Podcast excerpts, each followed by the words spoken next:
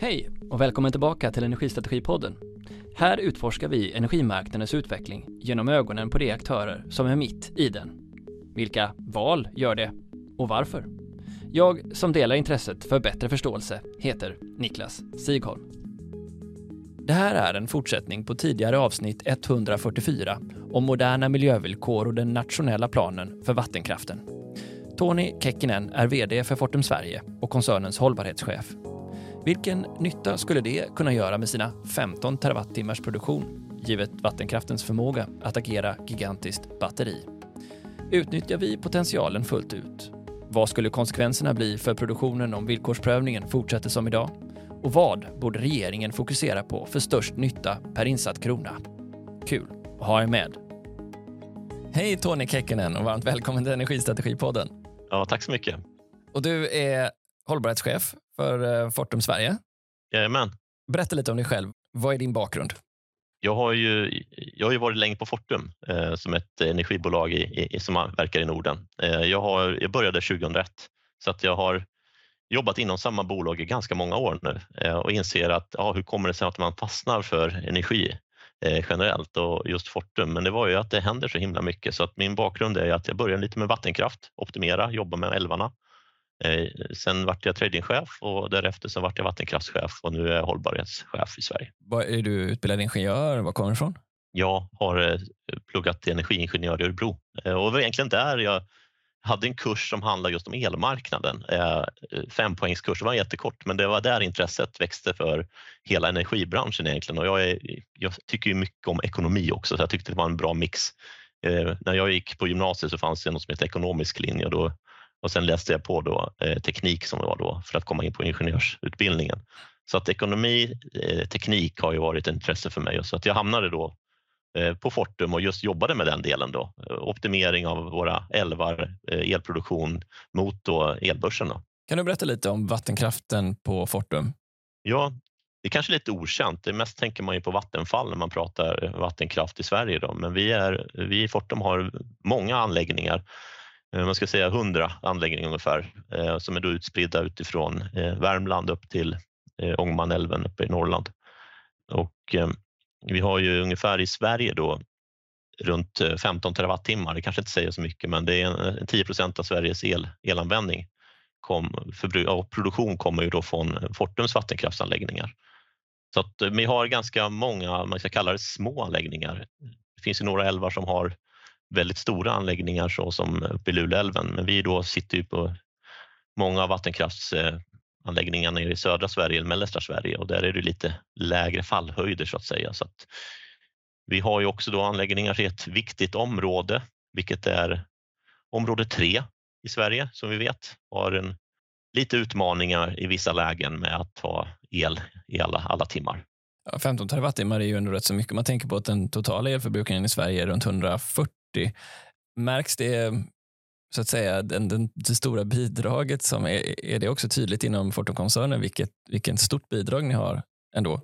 Ja, men så är det. Vi, vi har uppåt 45 terawattimmar på nordisk nivå när det gäller just produktion och det är klart den svenska vattenkraften bidrar med en hel, hel del eh, till den, den mixen. Eh, så det är klart det märks eh, och speciellt de här tiderna så, så blir det ganska uppenbart när vi har höga elpriser och så vidare så ser man ju också betydelsen av vattenkraften ännu mer. Hur ser du då från eh, din position inom vattenkraften på den politiska diskurs vi har just nu inom energi och, och priserna? Alltså jag, jag, kan ju säga så här att eh, jag, jag, tycker att det var otroligt bra att man gick fram till exempel nu nyligen med det här Tidöavtalet där det står då att man ska pausa de här omprövningarna. Vi säger väl att man ska tidsförskjuta dem eh, och det är väl lite samma sak då man menar med pausningen.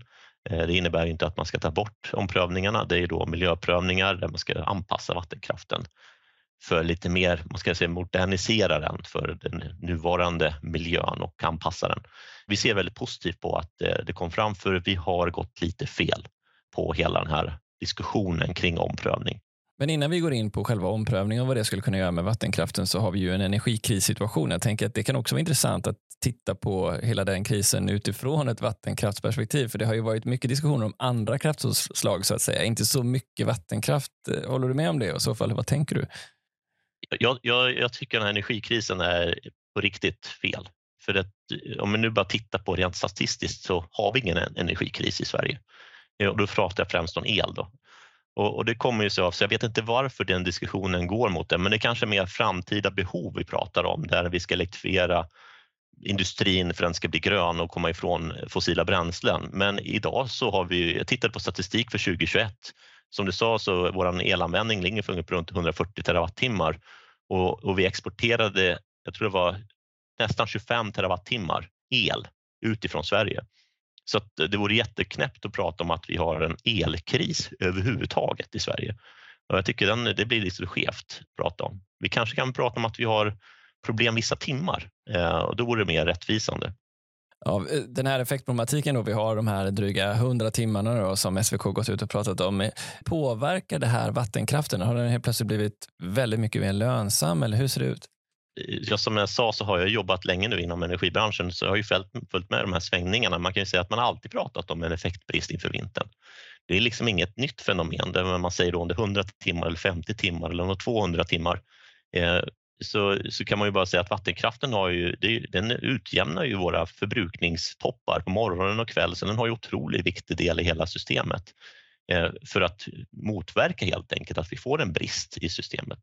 Och nu kan man ju se att nu har vi ju byggt ut en hel del vind i Sverige, i Norden eh, och där kommer också vattenkraften in som är otroligt viktig eh, balansering. Eh, för vi vet också att eh, solen och vinden den, den blåser under vissa intervall och så gör den inte det och då har vi ju våra lagringar i vattenkraften som en viktig eh, lagringsmöjlighet. Då.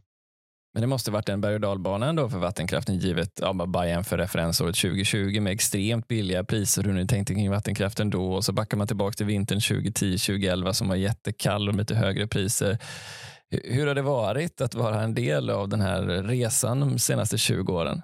Ja, eh, den har ju varit, eh, den är ju väldigt spännande eh, och man kan ju också se att förändring, det, det är vattenkraftens eh, roll har ju blivit ännu mer tydlig att den behövs så otroligt mycket. Eh, eh främst nu med de höga elpriserna, det är klart, då är den ju otroligt lukrativ också. Det måste man ju säga. Det är ju, kanske jämfört med ett par år sedan då priserna var väldigt låga, då är det snarare att eh, hur ska man överleva? Och, och den förändringen är ju ganska absurd på ett sätt, att man går från det ena till det andra inom bara två, tre år.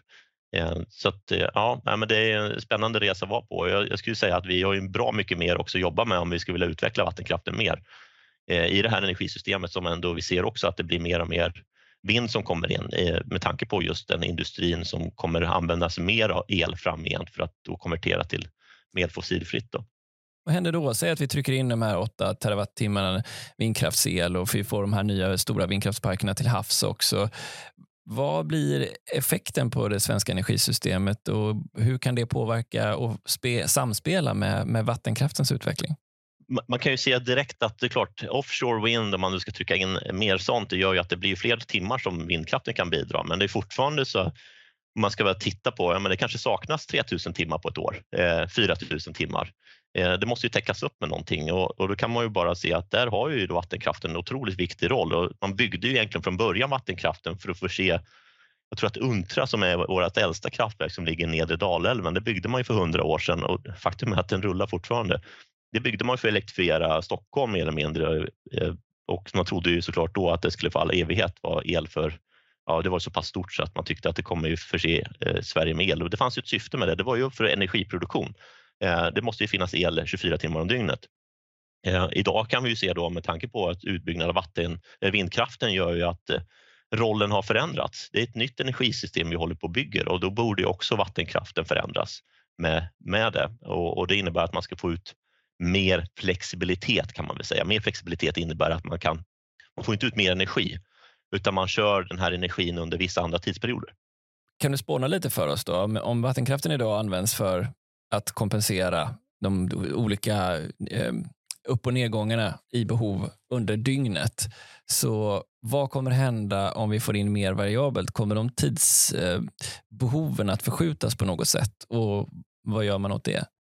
Absolut så. Och vi har ju räknat på hur mycket vi skulle kunna förändra och jobba med just eh, tidsförskjuta och jobba mer mot eh, väder, eh, vädret så att säga med vinden. Eh, idag är ju många vattendomar i våra älvar byggda på ett helt annat, de är uppbyggda på ett annat sätt. Eh, de är anpassade kanske inte så mycket för flottning längre men de är ju väldigt gamla och de fanns ett syfte då med just de vattendomarna. Det borde man ju se över då, att eh, kunna vara lite mer flexibel, då anpassat utifrån vindens eh, vindförhållanden och inte vindförhållanden så att säga. Eh, och vi har ju tittat på Dalälven specifikt och vi skulle absolut kunna öka eh, uttaget av effekt ifrån den älven ungefär uppåt 40 procent, kanske görbart skulle vara 20 procent. Och det skulle innebära 200-300 megawatt mer under de perioder det absolut skulle behövas mer produktion, det vill säga när inte vinden blåser. Eh, så det finns en enorm utvecklingsmöjlighet och vi ska veta att Dalälven ligger i ett område där vi har ett stort behov av planerbar energi. Ja, för mycket av diskussionen idag handlar om ju byggandet av ny kärnkraft i syfte att, möta det, det planerbara behovet i energisystemet. Ja, det är ju fantastiskt intressant. Eh, om, man pratar, om vi nu pratar om den här effektproblematiken då, att vi, vi kanske har en brist på en eh, 2-3 tusen timmar när inte vinden blåser, när inte solen skiner. Eh, och sen utöver det så har vi då eh, som Svenska kraftnät går ut med att vi har en effektbrist i vissa lägen, en, en kall vinterdag eh, där det är vindstilla. Eh, och det kanske är 100 timmar eller kanske 300 timmar och vi kommer räkna ihop, det är två veckor ungefär. Jag tycker det är jättekonstigt att man ska försöka mota effektbristen om man nu tänker sig så med att bygga någon reaktor som kanske då ska gå två veckor. Nu vet jag, nu raljerar jag lite, men det är, lite, det är inte den diskussionen vi ska ha utan om vi ska bygga ny kärnkraft så är det i så fall för att få den leverera 24 timmar om dygnet för den här gröna omställningen. Eh, så att det är den diskussionen vi har. Vad vill vi ha för system i framtiden? Men här och nu så löser vi inte en effektbrist med att bygga en kärnkraftsanläggning. Eh, utan då bygger man för att bygga någonting annat. Eh, jag kollar faktiskt upp det lite med vad eh, jag tänker med en flygplansmotor. Hur mycket effekt har en sån? Det är faktiskt ungefär 20 megawatt. Det är ganska mycket. Räkna hur många flygplansmotorer man behöver så har man kompenserat för hela den här effektproblematiken. Det är lite lättare att få till en, en, en reaktor om man säger så. Sen är det ju, sen ska vi säga, jag har ju, jag är inte någon Alltså jag är för, jag är teknikneutral om man säger. Jag tycker att det är den teknik som är bäst, effektivast, kan leverera en leveranssäkerhet och ett lågt elpris, för det är ju det som krävs för att vi ska kunna få den här gröna omställningen. Eh, och det är det vi ska satsa på. Och så vi har alla förutsättningar i Norden med mycket yta för att bygga vind. Vi har vatten, det är en lyx. Vi har vattenkraften, det har ju väldigt få. Och så har vi ju eh, även kärnkraften befintliga. Se till att vi använder den fullt ut. Se till också att vi använder vindkraften fullt ut och använder vattenkraften så så har vi otroligt effektivt och billigt system för att göra den här omställningen. Ja, det låter som att du resonerar som att eh, jämförelsen med att ha ett nytt kärnkraftverk 2035 eller vad som nu är rimligt så finns det lösningar som både är snabbare längs vägen resonerar du och kanske också billigare då? Absolut så och tänker man då på eh, våra grannländer, om nu, nu pratar om att vi exporterar ungefär 25 terawattimmar då 2021 el så dels har vi ingen brist idag så låt oss använda de här 25 terawattimmarna el för att göra någonting bra av den produkten. Så det är ju också någonting man kan tänka på. Skulle vi bygga nya reaktorer? Ja, det vore ju fantastiskt om vi kan bygga dem på ett kostnadseffektivt sätt och, och det är CO2-fritt, släpper inte ut någonting. Men vi kanske inte ska börja med att bygga dem i Sverige om man ska vara rent krass. Var har vi behovet någonstans? Det är i Tyskland. Så varför, varför säger vi inte att bygg där först? För där har ni behov idag. Försök rätta till det och försök bygga dem snabbt då i Tyskland och så kan vi ju göra det när vi har ett större behov i Sverige. Så jag tycker vi tänker lite fel. om man jämför då med alternativet då, det här du sa att i, Dalälven så skulle ni kunna höja kanske uppåt 200-300 megawatt. Om du aggregerar det där, vad tror du det finns för potential att effekthöja? Vi kommer ju in på avvägning mot hållbarhet sen, men vad, vad tror du liksom potentialen i, i ökad flexibilitet och effekttillgång eh, i vattenkraften i Sverige? Tittar man då på Dalälven och så kollar man på Klarälven så det är ju redan, redan utbyggda älvar så det vi pratar om är egentligen att utveckla älvarna så som de är och kanske inte ta ut mer energi utan mer effekt. Och, och så alltså 200-300 megawatt i Dalälven om vi skulle addera då en 200 megawatt i Klarälven som många småskaliga anläggningar eh, så kommer vi lätt upp i ett par tusen megawatt i hela systemet, kanske mer. Eh, kanske uppåt 3000 megawatt som man skulle kunna få ut ifrån vattenkraft, befintlig vattenkraft och göra vissa korrigeringar. Då pratar jag också om pumpkraftverk då i älvarna för att kunna använda av våra stora sjöar. Man ska kunna jämföra Siljan då, om vi nu skulle pumpa upp vatten ifrån, det är en oreglerad del som då heter Västerdalälven som man skulle kunna pumpa upp till Siljan när det regnar. Eh, man ändrar inte flödet totalt i älven utan bara när det är stora regnmängder som kommer så pumpar man upp till Siljan. Det kanske skulle ändra sig 2-3 centimeter det är en jättesjö, det kommer inte ens märkas och otroligt mycket energi som lagras som man kan använda sig ändå när det inte regnar och när det inte blåser. Så jag tror att vi har många bra förutsättningar för att kunna göra en omställning i de här älvarna för att bli anpassat för ett nytt energisystem med mer vind och sol. Och då kanske det är där man ska fokusera på först än att prata om att man ska bygga en jättegigantisk eh, flotta med SMR eller nya, nya andra reaktorer. Ja, om det här skulle stämma så skulle det ju motsvara eh, upp mot en 10 SMR istället. Eh, pumpkraft ja. då, har vi inte pratat så mycket om. Är det effektivt och varför? Men nu pratar om lagring och eftersom om man nu pratar i kontinentaleuropa så har de ju byggt många av de här stora pumpkraftverken. Där bygger de ju ofta också en sjö då i anslutning för att de inte har så mycket höga fallhöjder från sjöar så de måste ju dämma in då för att kunna bygga den här pumpkraftverket och det kanske inte finns så mycket tillrinningar just i den sjön. I Sverige har vi några helt andra förutsättningar. Som jag nämnde så har vi de här äh, stora sjöarna som man ska kunna använda sig av och ändå hyfsade fallhöjder och kunna använda hela älven på ett lite annat sätt. Så att jag ser pumpkraftverk i förhållande till ytterligare då eh, förbättringar i befintliga anläggningar som är mer en helhet av hela älven så finns det enorm potential och den har jag räknat in i den här äh, effektökningen då, att man skulle kunna få ut mer under vissa tider, då, eh, mer energi. Då.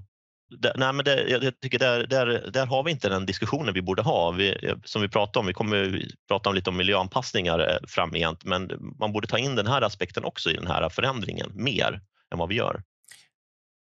Tror du att det hade varit billigare att addera och billigare och bättre för miljön att addera 3000 megawatt till vattenkraftens eh, reglerbarhetsförmåga än att bygga 10 SMR? Absolut.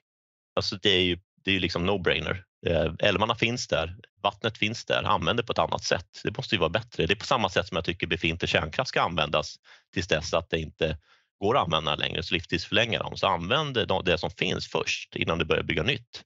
Och det nya i det här är ju vinden och solen och det är ju absolut billigaste sättet att producera en megawattimme. Sen att den inte producerar 24 timmar om dygnet så som, som industri, industrin ska behöva, men då låt oss jobba då med vattenkraften. Och eh, jag, gjorde faktiskt ett räkneexempel också på den här effektproblematiken. Jag tror det var att SVK gick ut med att det är normalvinter så ungefär 1300 megawatt brist och det är kanske då de här fåtal timmarna då den kalla vinterdagen där det inte blåser. Vi måste vara smarta som konsumenter också. Om vi har elbilar som kan faktiskt ladda ur också under vissa tider så kan vi säkert bidra med 10 timmar för några elbilar och börjar man räkna på det om man då kan få ut 14 12 kilowatt trefas så går det ganska snabbt att komma upp i ja, men 100 000 elbilar. Då har vi löst det där. Mer än så behövs inte. Men om jag har förstått saken rätt så, så de här lågtrycken som vi behöver kompensera för när, alltså när det blåser mer eller när det blåser mindre, de sträcker sig upp till 72 timmar. Påverkar inte det här eh, flödes, skapar inte det flödesförändringar om du skulle använda vattenkraften på det här sättet? Nej, det är ju det, absolut ska man ju plotta upp eh, hur vindproduktionen och solproduktionen, hur de samsynkar. Och så ser man ganska tydligt här hur mönstren ser ut.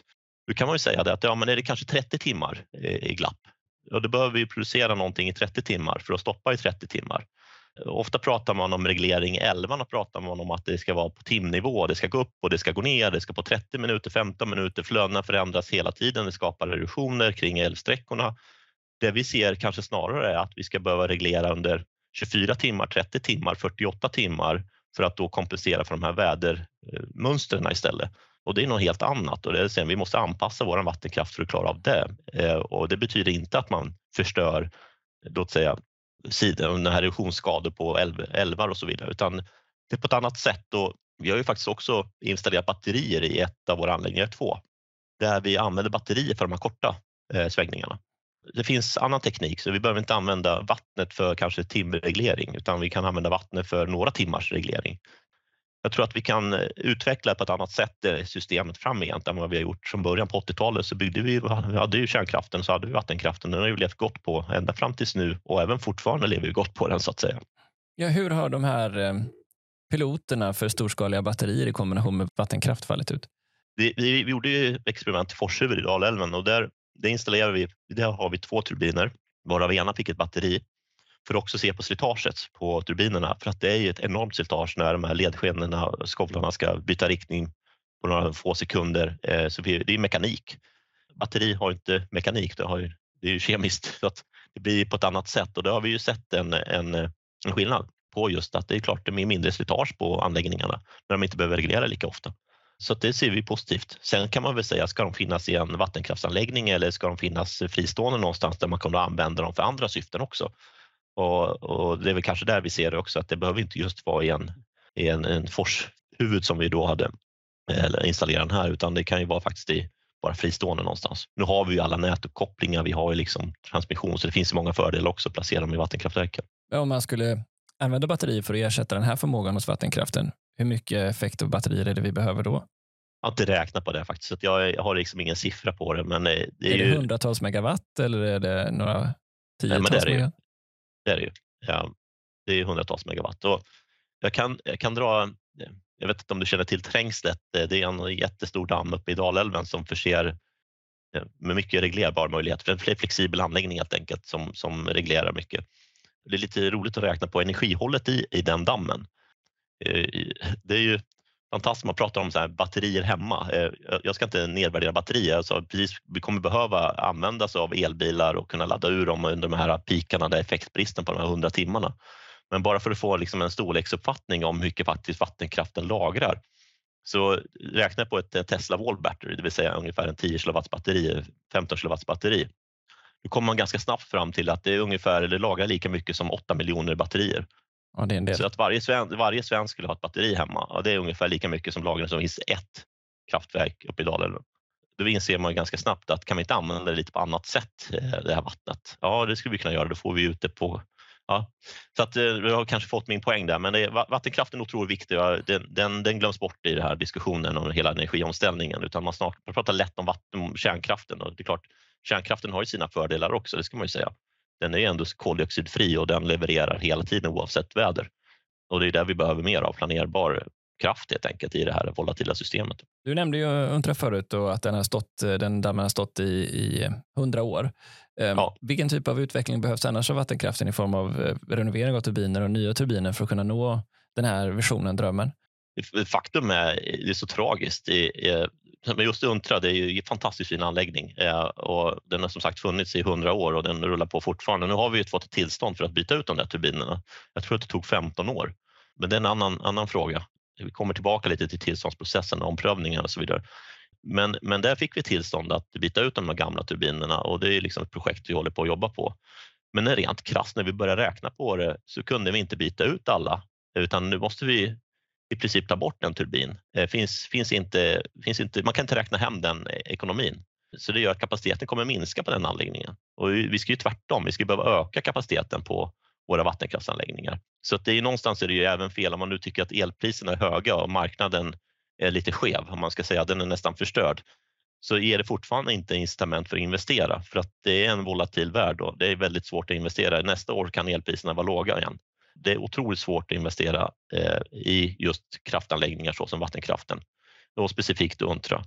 Så att, eh, det är lite tragiskt. Man skulle kunna se till att marknaden också premierar mer den här planerbara eh, produktionen att det finns mekanismer som gör att man då kan investera i till exempel Untra, då, en extra turbin som, som nu finns där redan, som inte kommer bytas ut. Då.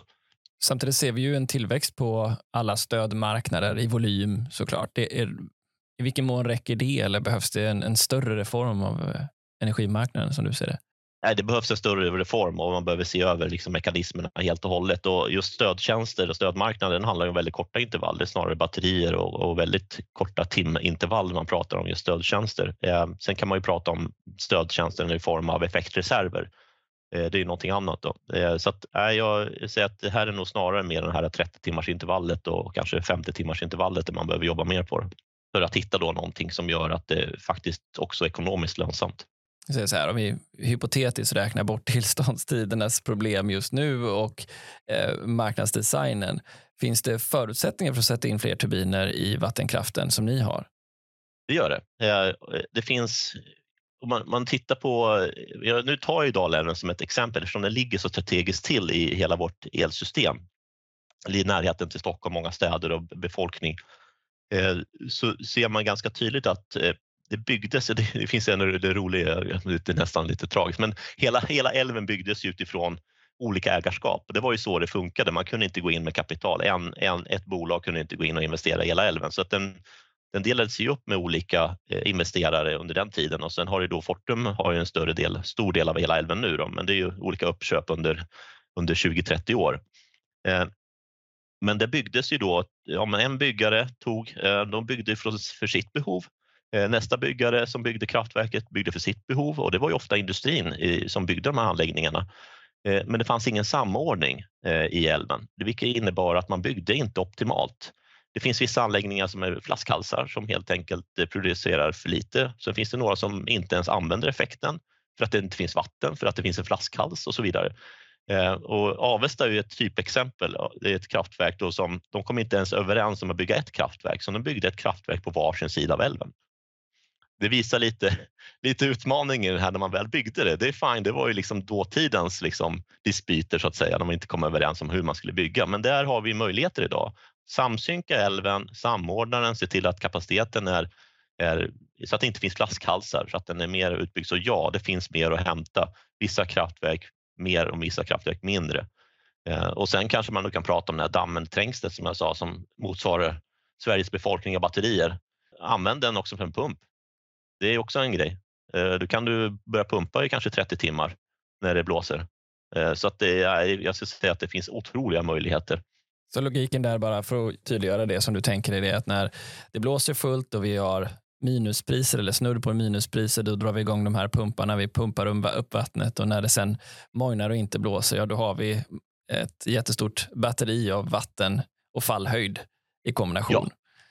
Och det fantastiska här är ju att om man då pumpar upp vatten, till exempel i Trängslet då, eller i Siljan, eh, om man väl kör ut vattnet så får man ju vatten i hela älven. Man får produktion i alla kraftverk eh, så att man får en otroligt bra utväxling på det. Eh, Eh, och utan att behöva liksom förändra flödet specifikt i älven utan snarare tvärtom, gå ifrån de här med korttidsregleringen och jobba mer på långsiktig reglering.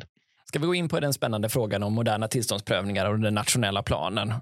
ge oss en, en bedömning. Vad tycker du är bra och vad är dåligt i, i det som har skett hittills?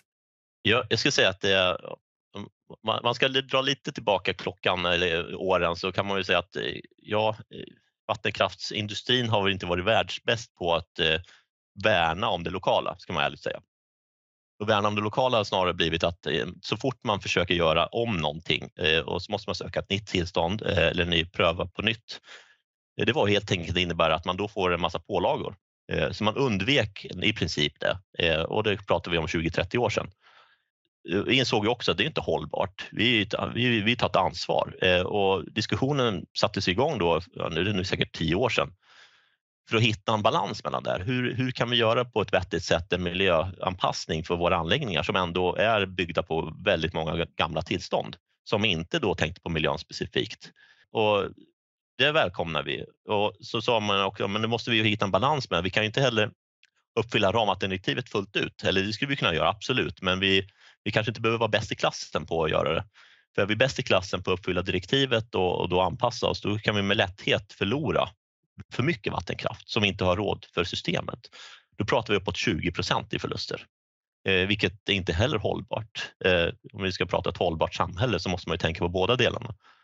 Eh, så det där någonstans landar vi att eh, okay, tillsammans med då eh, myndigheter, Havs och vattenmyndigheten, Energimyndigheten och, och NGOer eh, och vattenkraftsproducenterna så satte vi oss ner och helt enkelt jobbade fram då, ja men vad kan vi då tolerera i ett systemperspektiv och vad, vad behöver miljön? Eh, och då kommer vi fram till att ja, om vi, om vi gör miljöanpassning i alla våra anläggningar, det vill säga de flesta är ju de, det är många små anläggningar. Vi har ungefär 2000 vattenkraftsverk i Sverige. Om du så pratar om 1800 eh, mindre, då, 200 producerar ungefär 97 procent av all vattenkraft.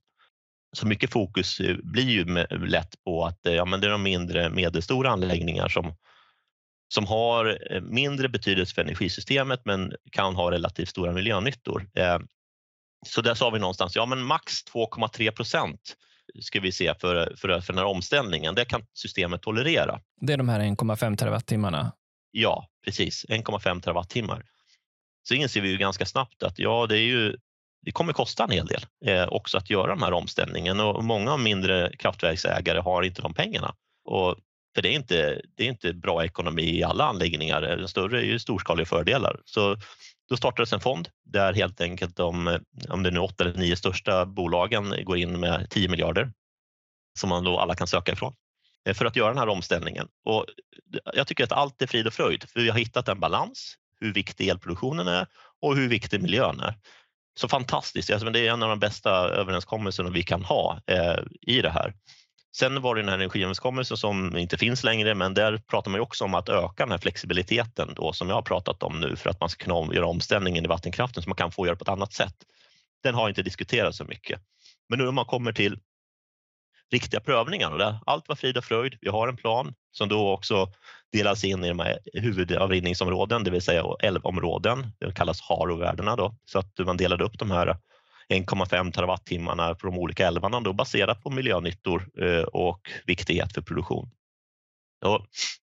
Men nu när vi faktiskt står skarpt inför att vi ska pröva, ompröva våra, inte tillstånd, men våra villkor i tillstånden, så är vi inte i närheten av det vi har kommit överens om. Det är alla var överens om. Det är även regeringen var överens om.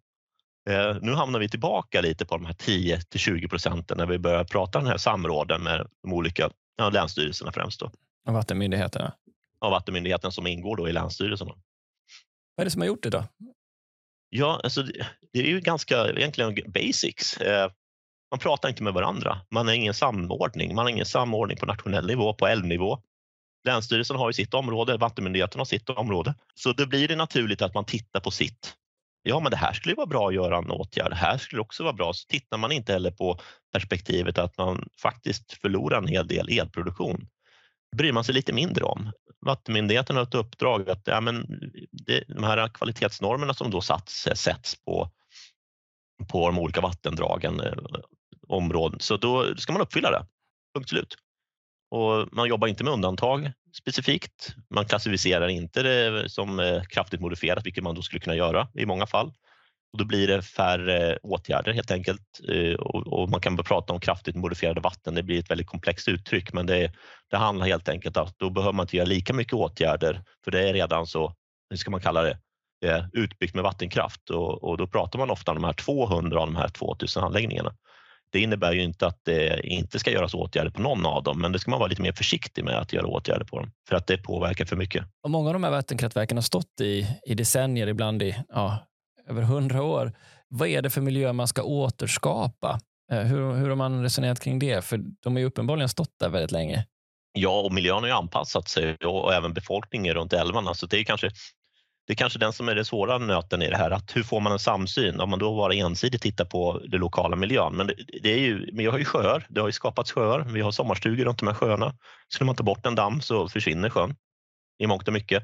Så livet har ju anpassats och även eh, den biologiska mångfalden har ju anpassats. Man får ju någon annan biologisk mångfald när man tar bort den. Det blir mer rinnande vatten istället för en stillastående vatten i en sjö. Men det innebär ju inte, jag vet inte, för, mig blir det, är det bra eller dåligt? Ja, det är något annat eh, man får helt enkelt det, det, är lite knepigt det där, men eh, jag, jag säger att det, det, är fullt görbart att anpassa vattenkraften för vissa av de här områdena. Vi kan faktiskt prata om nedre Dalälven när vi pratar om Untra just eh, så går det att få både och. Det är ett naturskönt område med stora miljövärden och det vill vi värna om att de ska vara kvar. Samtidigt så kan vi ha det i samsynk med vattenkraften så är det ju jättebra och där hittar vi nog lösningar på för både och. Så att det, det finns naturvärden eh, fortsatt i, i älvar som är utbyggda och de ska vi värna om. Jag kan tänka mig att det finns otroligt många parametrar här som man tittar på i de här miljökvalitets eh, kvalitetsnormerna. Ehm, en sån eh, fråga som ju är uppe för allmänheten är den om fiskarnas väg och deras lekvatten och möjlighet att ta sig runt dammarna på ett säkert sätt. Just den frågan specifikt, har, har det dock varit ett ställe där ni har kunnat mötas i, i var någonstans det behövs fiskvägar för att få en, en, en bra nytta för eh, fiskarnas eh, som lekplatser och fortplantning? Ja, det, det, det är svårt. Dels så, det är svårt att säga att ja, men här finns det nytta. Jag, jag, man kan ta, jag kan ta Värmland som ett exempel. Nu står vi inför, vi ska skicka in då inför domstolen här i början av, första februari ska in 20, 2023 och då står vi inför att titta då, men vad finns det för miljövärden och vad finns det för någonting? Om man ska vara en önskelista, ja men då ska ju inte kraftverken finnas där i princip. Eh, och det går ju inte så att man får ju försöka balansera då att vad är nyttan? Var, var ska fisken vara någonstans? Vad finns det för lekområden kvar? Eh, just i, i Gullspång då, som är en del i, i Svartälven eh, så kan man ju bara konstatera att ja, men det är Gullspång, det är Skagen i en sjö. Det finns gäddor. Släpper man ut Gullspångslaxen ut i, i, i Skagen så innebär det ganska snabbt att de blir uppätna av gäddorna. Eh, ja, men då kanske vi inte ska släppa ut dem i Skagen utan då får vi se till att det finns lekområden nedströms. Så det är många parametrar man behöver ta hänsyn till och då får man jobba utifrån de förutsättningarna som finns eh, och, och verkligen se till att man gör det bästa man kan. Eh, just för guldspångslaxen då, ja, men släpp inte upp den i hela systemet för då dör, dör den ut i princip, den blir uppäten. Eh, och I Klarälven, eh, där har vi en lösning. Jag tycker man ska vara ganska innovativ. Man hittar lösningar på hur man får transportera, för det handlar om fisk. Det, är, det ska vi säga. Mångt och mycket så handlar det om, eh, om det är antingen då lax eller öring. Då. Det kan väl vara harr också. Då.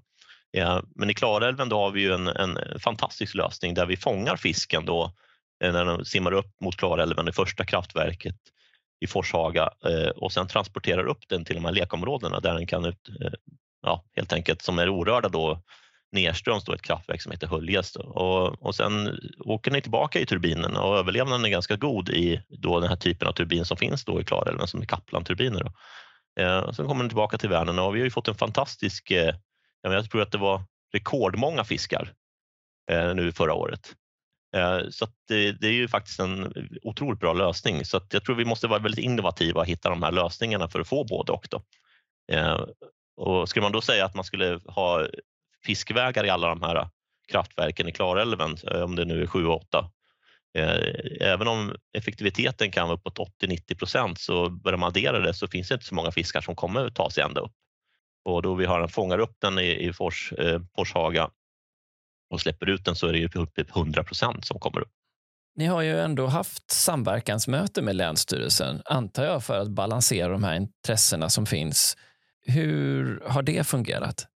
Ja, men det är ju det som är problemet eftersom det är olika länsstyrelser då. I det här fallet Gullspång och jag menar, i Värmland. Då, så att det är två länsstyrelser. I Svartälven då också så slåss de ju för sina intressen och kanske inte avväger. Så att det, där är det svårt. Det är svårt att samsynka mellan länsstyrelsen. De gör ju gott jobb och de tittar på sitt och jag, jag förstår ju det.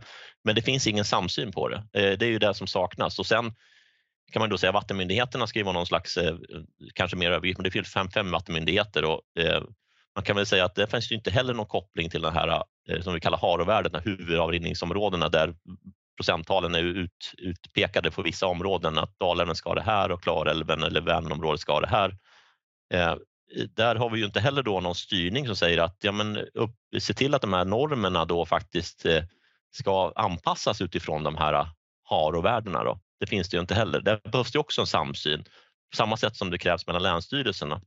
Jag har ett exempel eh, Eh, där vi initialt, alltså det är, här är ett riktigt bra exempel på hur det skulle kunna gå till.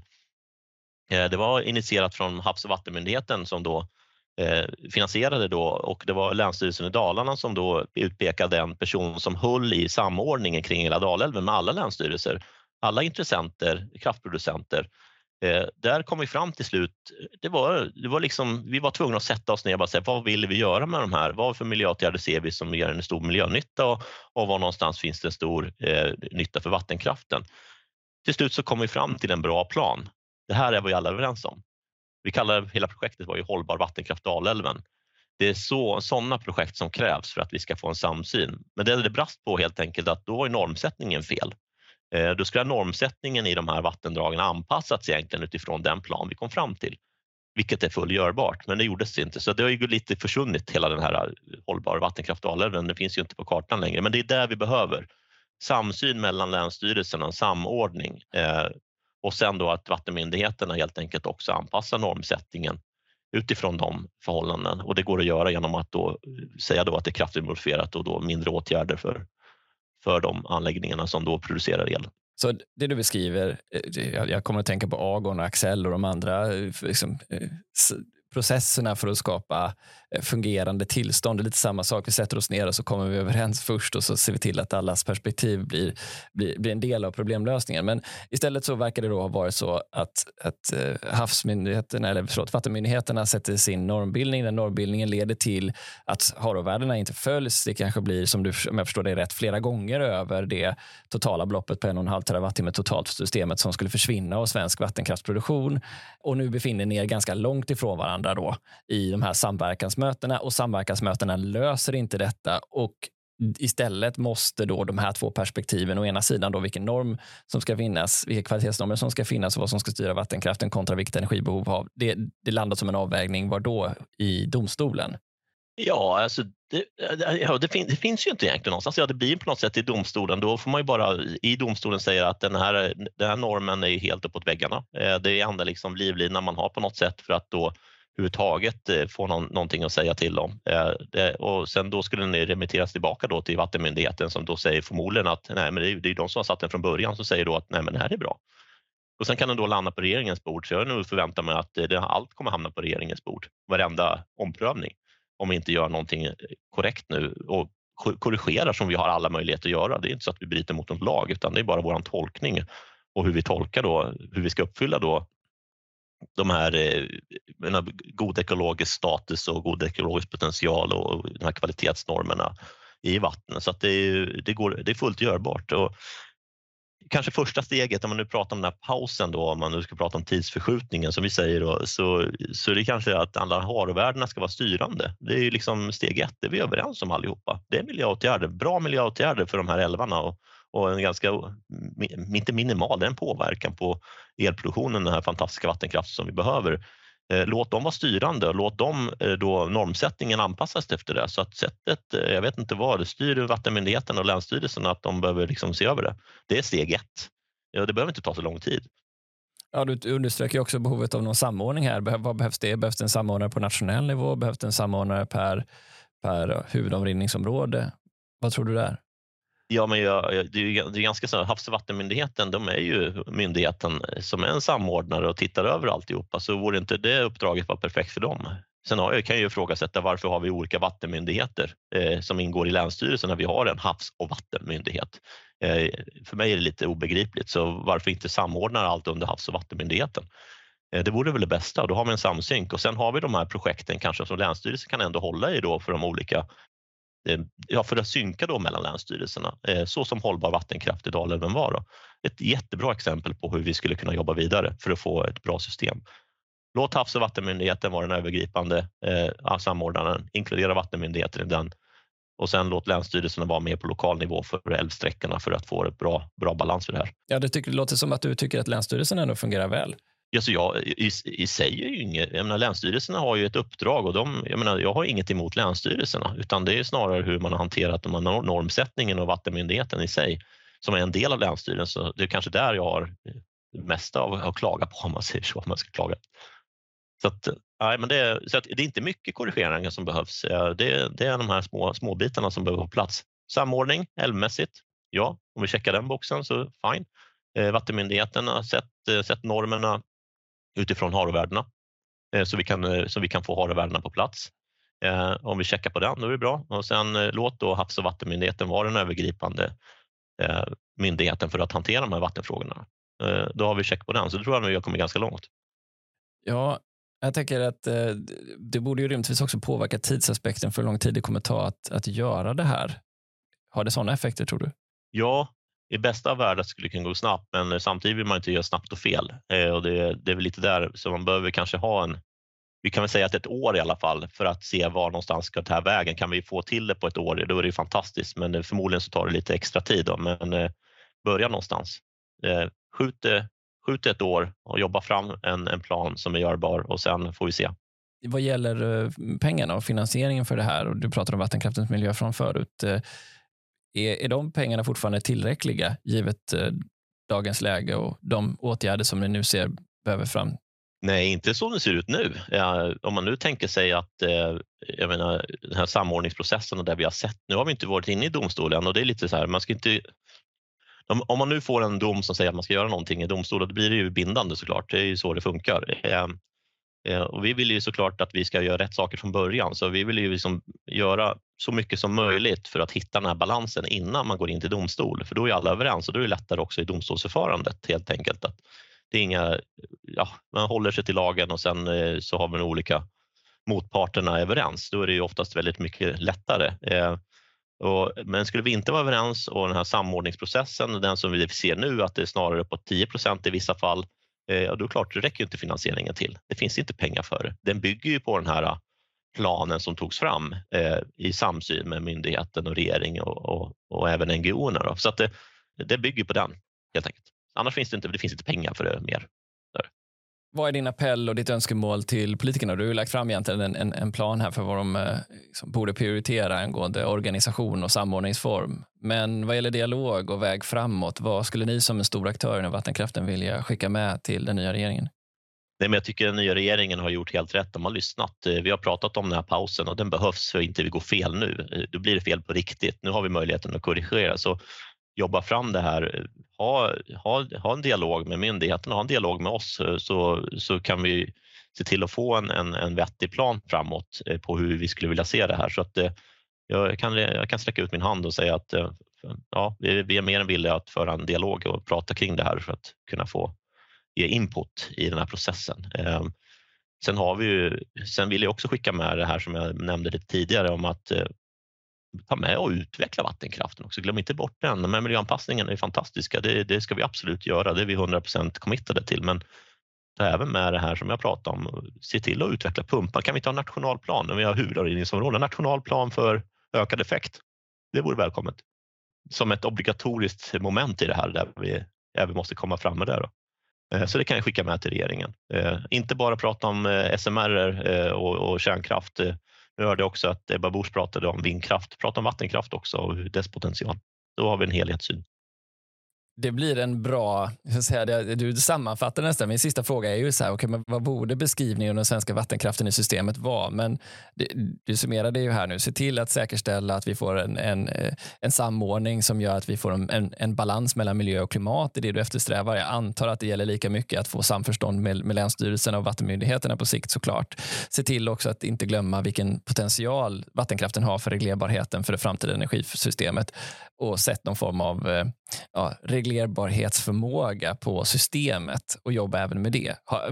Rundar jag ihop det på ja, ett vettigt sätt? Då? Du, väldigt bra. Det var en bra sammanfattning också från dig. Där. Så jag, eh, jag skulle säga det att eh, jag vill addera det. Jag har ju, jag säger att kärnkraften är svår, den kanske behövs, men analysera hur mycket kärnkraft vi behöver i systemet också. Det kanske räcker med de här åtgärderna som vi pratar om med jobba med batterier, jobba med efterfrågan hos kund, se till att man är lite mer flexibel med elbilsladdning och kan man kanske ladda ur bilarna, eh, jobba med vattenkraften, jobba med vätgasen, lagringen tillsammans med industrin. Kan man skapa flexibiliteter, kanske handlar om 30 timmar, 40 timmar. Det kanske vi kommer väldigt långt med. Eh, sen i steg två, hur mycket kärnkraft utöver det kommer vi behöva? Det kanske visar sig att det inte behövs så mycket, men skulle det då visa sig att vi behöver det, så då behöver vi planera för det nu också. Eh, så det innebär ju att det är en lång process för att få någon ny reaktor på plats. Så se helheten och, och kan vi skapa, ska vi addera här, för vi vill ju ha ett effektivt system som levererar till en låg kostnad förnybar CO2-fri el för att kunna göra den här omställningen. Och det är dit vi vill sikta på. Jag tror att alla vill dit och låt oss då jobba ihop det ett system också i det här. Du Tony, tack så hemskt mycket för att du var med i Energistrategipodden. Ja, tack.